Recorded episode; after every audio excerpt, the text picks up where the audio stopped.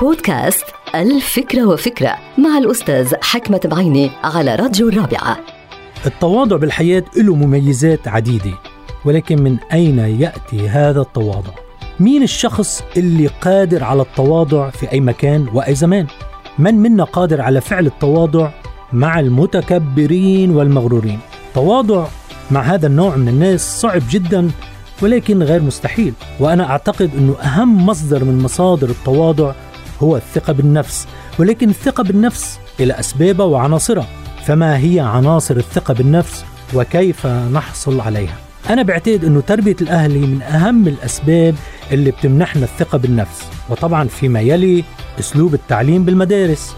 ولكن هناك أسباب أخرى كالأوضاع المعيشية وأصول التعامل مع الآخرين وأخلاقيات المجتمع والسلوكيات العامة.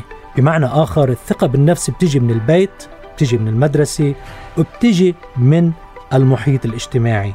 مثلا هل التعنيف الأسري يزرع الثقة بالنفس لدى الأطفال أو يقلع هذه الثقة من جذورها؟ هل حالات التنمر بالمدارس بتخدم الثقة بالنفس أو بتدمرها؟ هل الجهل بأمور الدنيا من العوامل الإيجابية أو السلبية اللي بتأثر بثقة الإنسان بنفسه؟ وهل السلوكيات الاجتماعية الخاطئة تعزز الثقة بالنفس أو تضر بها. جواب واضح.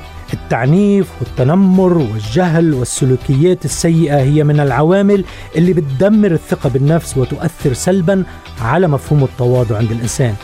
فلا تواضع من دون هذه الثقة. وهون بدي أتذكر قول مهم جدا يوضح العلاقة بين الثقة بالنفس والتواضع. لا يتواضع إلا من كان واثقا بنفسه ولا يتكبر إلا من كان ناقصا في عقله. انتهت الفكرة.